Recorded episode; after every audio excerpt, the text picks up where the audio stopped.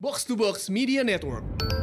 Halo gua Randi, selamat datang di podcast Jakarta Itu Kasih Sayang. Sebuah program podcast harian dari Retropus di bulan Ramadan yang bertujuan untuk membuat gue tetap waras selama masa karantina di Jakarta. Di tiap episodenya, gue akan bertanya tiga pertanyaan yang sama kepada orang-orang yang berbeda. Mari kita dengarkan sebuah cerita baru dari orang yang baru.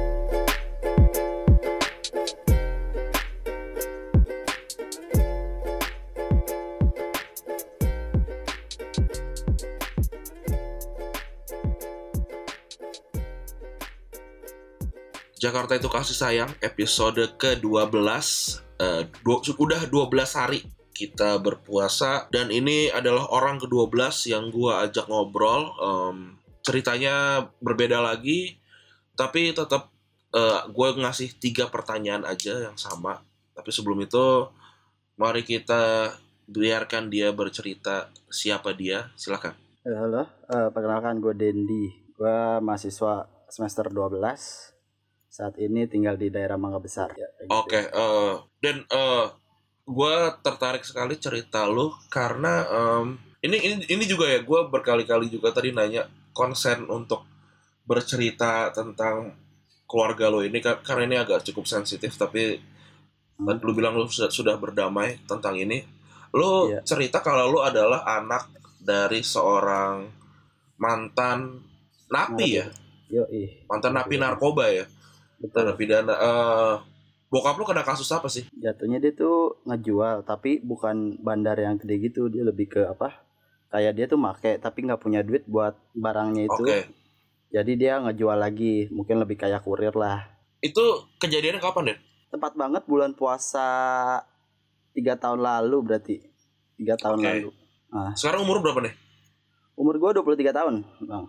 Oke, berarti waktu itu umur 20 tahun ya. Itu emang sebelum itu gimana sih kehidupan kehidupan keluarga lu gimana? sebenarnya gua sama keluarga gue tuh gak pernah bener-bener dekat atau akrab gitu sama keluarga Hmm. paling sama nyokap juga sering cuman sering belanja nemenin doang tapi buat kayak ngobrol secara intim tuh enggak sangat jauh lah Hmm. sama adik gue juga gapnya itu jauh banget jadi nggak pernah ngobrol satu sama lain walaupun pada akhirnya gue tahu dia tuh emang pemakai ya tapi gue nggak pernah ngomong juga gak enak lah lu Pasti apa bokap?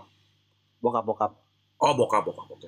Jadi sebelum kena itu gue tahu dia make tapi gue tuh kayak biar ngejaga keluarga inilah biar nggak berantem mulu soalnya bakal nyokap gue kan itu banget kan struggle banget buat biar bokap gue nggak make pasti Oke. diomelin nah kalau gue ngomong kan pasti bakal pecah banget tuh bakal ribut sebagainya Tapi eh mungkin banyak yang belum tahu juga ya. Mungkin lu bisa ceritain juga kan banyak pendengar bukan di Jakarta. Mangga Besar itu seperti apa sih kehidupannya? Nih mangga besar tuh ibarat kata eh, daerah merah lah kalau misalkan Jak- orang Jakarta pasti tahu mangga besar tuh eh, khasnya prostitusi pijet Hmm. bahkan di sepanjang jalan di rumah gue tuh tukang tukang apa obat kuat semua Oke. jadi mungkin kalau gue tuh pada akhirnya gue ngejauh dari pergaulan rumah gue Oke. karena eh, se- semua teman-teman gue yang seangkatan gue di daerah tuh udah kena semua udah ada beberapa yang meninggal karena narkoba tersebut Eh, ada juga yang udah jadi Angelo atau jadi PSK tuh banyak juga itulah ada yang masih banyak di penjara Tapi kenapa lu nggak ikutan kayak gitu? Nah iya, ya mungkin karena di pas di SMA gue tuh mulai kenal sama Rohis ya. Salah satunya itu Hmm. sih yang bikin gue jauh. Ya mungkin Oh. eh, le- lebih ke ini kan keluarga gue punya silsilah yang kayak gitulah. Keluarga besar gue ada yang bandar juga, beberapa ada yang ditahan di Nusa Kambangan. Jadi Oke. gue Oh. gue gue gue milih kayak ya udahlah masa gue bakal kena juga gue ngejauh dari pergaulan aja bahkan gue sekarang jarang main jarang negor malah sama teman-teman rumah Tapi ini bokap udah balik rumah ya? udah udah udah dua bulan lalu lah Tapi sebelum kejadian eh, bokap lu ditangkap itu ekonomi keluarga gimana sih? sebenarnya yang backup eh, secara keseluruhan sih nyokap gua jadi dia bok- ju- jualan PKL pedagang kaki lima Eh, jadi Heeh. Tukang sembako. Oke. Tukang sembako sih lebih ke kayak kan biasa kalau tukang ma- ma- restoran ada yang beli plastiknya. Nah nyokap gua Oh. jualan plastik plastik gitu. Oke di pasar. di pasar. Tapi Oke kalau bokap bokap? eh, bokap tadinya tuh secara mainnya sih dia bilangnya tukang ojek ojek pangkalan sama jual-jual spare part gitulah. Berarti emang maksudnya secara ekonomi nggak ini ya apa namanya lumayan menengah ke bawah berarti ya? Eh, lumayan menengah ke bawah lah. Akhirnya setelah eh, bokap ditangkap itu tiga tahun sebelum sebelum dia di penjara itu gimana tuh kondisi rumah dan segala macamnya? Berjalan kayak biasa aja sih eh ya, berjalan kayak biasa aja sih bang. Ber- berarti nggak maksud gua kayak ketika dia ditangkap gitu terus eh, gimana tanggapan lu dan apa lu kayak ya udah lah, emang udah saatnya ditangkap nih gitu? Ah eh, iya iya mungkin kalau gue sendiri ini sudah saat ditangkap kan juga tahu. Itu ingat banget gue kejadiannya. Itu pas puasa juga. Jadi sebelum sahur sekitar jam satu lah. Eh jam 12 Hmm. kan nyokap gue tuh dagang jam 12-an jam 12 malam. Iya. mulai dagang pasar. Nah itu pas gue siap-siap dagang tiba-tiba rumah gue didobrak gitu lah Di- Oke. jadi polis polisi itu kayak nyari barang bukti buat Hmm. ada gak sih barang di rumah gue gitu. Padahal bok bokap gue udah ketangkep. Jadi ke rumah gue tuh buat menggeledah lah ada barang bukti atau enggak kayak gitu Oke oke. Terus gimana tuh eh, rasanya jadi anak narapidana?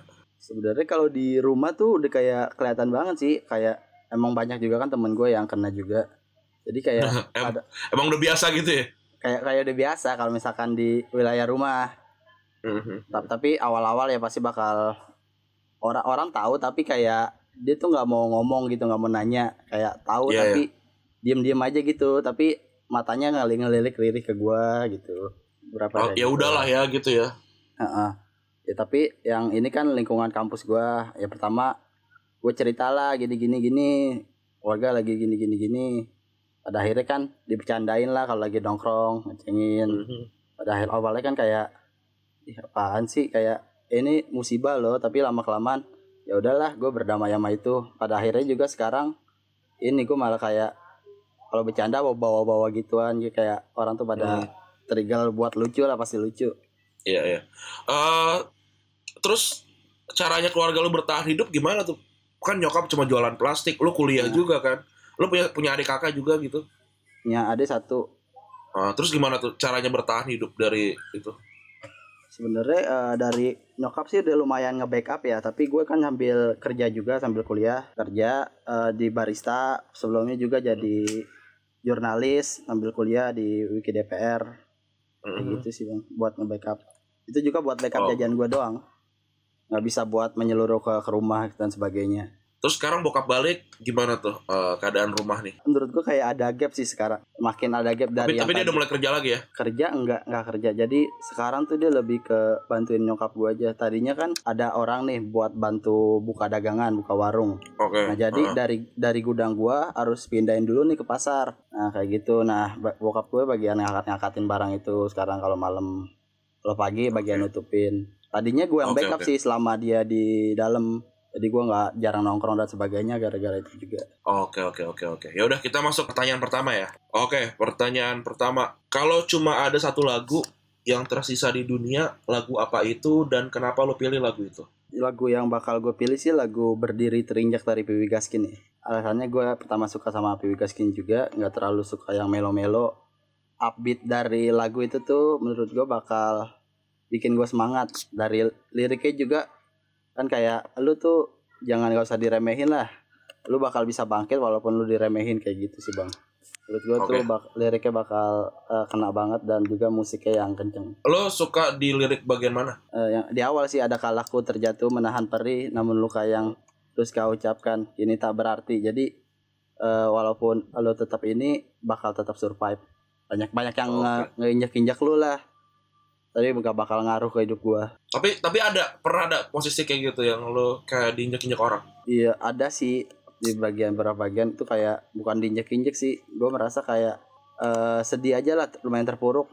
Kan awal awal dari dari eh, bokap gua ketangkep itu kan lumayan agak down juga ya. Gue bakal jadi yang per, anak karena gue anak pertama jadi gue backup keluarga buat ngamanin at- atau apa apa jadi kayak gitu terus gue nggak bisa nongkrong juga karena harus ada nyokap yang digantiin karena yang di umur umur segitu kan waktunya nongkrong lah sama temen-temen Hmm. gitu bang Tapi gue yang gue salut juga, lo nggak ini ya nggak terpengaruh sama lingkungan ya? Apa apa ada ada fasenya lo juga ya udah terpengaruh sama lingkungan yang emang Bronx banget tuh mangga besar. gue di SMP ke bawah tuh ikut-ikutan juga bang. Nah mulai perubahan gue tuh pas SMA sebelumnya gue juga kayak mabok dari kelas 6 SD amer gitu-gitu terus kayak make juga tapi lebih ke ganja doang kayak gitu juga waktu SMP terakhir nah pas hijrah ke SMA tuh bener-bener udah pure lah gue ngerubah hidup gue gue nggak mau sama kayak lingkungan gue gitu juga pernah juga gue uh, tawuran dibawa ke pos pos ansap pos kamling pos rw kayak gitu sih bang Kita lanjut pertanyaan kedua nih. Apa sih Hmm. pedoman lu dalam menjalani hidup? Bisa quotes, mantra, atau ayat kitab suci gitu? ini uh, quotes yang menurut gue bakal ngerubah gue tuh uh, di kata-kata dari Soki hanya ada dua pilihan menjadi apatis atau mengikuti arus tapi aku memilih untuk menjadi manusia merdeka Itu gimana tuh aplikasinya di lu? uh, gue baca dari buku ini sih lumayan ngerubah hidup gue ya pandangan gue terhadap mahasiswa Uh, lebih ke gue tuh harus progresif jadi orang harus ikut uh, aksi tadinya gitu kan. Nama juga mahasiswa awal-awal tuh bakal ikut ngerubah ini. Kan kayak di kata-kata ini kan uh, menjadi at- apatis atau mengikuti arus. Itu pilihannya ada dua. Tapi dia milih untuk jadi manusia merdeka. Jadi gue pengen bebas aja. Nggak harus gue nggak peduli nggak harus gue ikutin pemerintah atau ikutin arus gitu bang. Gue jadi manusia merdeka aja. Bebas ngelakuin apa aja Pertanyaan terakhir nih, apa yang berubah dari hidup lo semenjak pandemi COVID-19 ini terjadi? Kor, eh, sejak COVID nanti gue kehilangan pekerjaan pertama Eh, terus sama lebih banyak di rumah pastinya nggak ngapa-ngapain lebih banyak tidur dan di sekarang ini di COVID nanti gue dapat kartu prakerja lumayan Apa namanya kehilangan pekerjaan tuh? Pekerjaan apa sebelumnya? Eh, gue jadi barista di Kroma namanya Oke, oh gue tau Udah. Udah tiga udah di dua bulan lalu lah udah mulai dirumahin tapi mulai bulan ini udah unpaid Oke, berarti em, it- nggak nggak dipecat lah ya? Masih ini ya? Masih di dirumahkan aja ya gitu ya? masih dirumahkan tapi setelahnya tuh bakal ada pengurangan karena ada vendor dari Kroma yang cabut gitu lah Oke. Itu da- di, di lingkungan lo, di teman-teman lo tuh seberapa banyak teman-teman lo yang udah kerja terus sekarang terdampak COVID jadi nggak jadi kehilangan pekerjaan ya? kalau di lingkungan rumah tuh eh, karena kebanyakan gak ada yang kerja gitu ya bang ya Kerja di Kebanyakan emang kantoran atau kerja di mana gitu ya?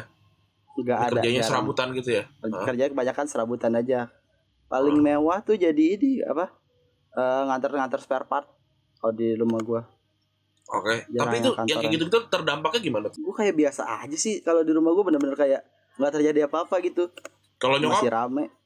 Nyokap dagangan agak berkurang sih. Tapi gim- Gimana? tuh eh, setelah setelah pertama kali COVID terjadi terus lo di minta untuk minta untuk di, tetap di rumah sama si Kroma ini? Eh, pertama ya agak sedih sih maksudnya. Itu juga gue belum terlalu lama juga kan kerja di situ. Ya mau nggak mau lah.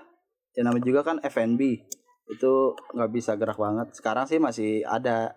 Tapi dia lebih ke obs- operasional gede banget kan kalau misalkan harus eh, gaji pegawai jadi ownernya sendiri yang lagi bikin terus kalau kuliah gimana? kuliah ke pospon juga sih bang harusnya sih di tahun ini lulus tapi semoga aja bisa lulus lah Lagi Udah. skripsian? lagi skripsi udah habis sempro kemarin belum sentuh lagi Oke. nih. Oh tapi tapi dari kampus ini eh, bimbingan online. bimbingan online ada tapi gua nggak bimbingan kayaknya udah nggak peduli juga mungkin Gak apa-apa lah. Nanti nanti nanti nanti aja kalau yang yang yang penting jangan diputus nanggung udah semester 12 lagi. iya iya pasti nggak bakal putus kok udah Ah, kelar Oke, juga. ya udah. Gitu aja kali ya, em, Dendi ya. Terima kasih sudah berbagi cerita. Yoi. Eh, sehat-sehat terus. Ya udah, gitu aja. Terima kasih teman-teman yang sudah mendengarkan episode kali ini. Bye.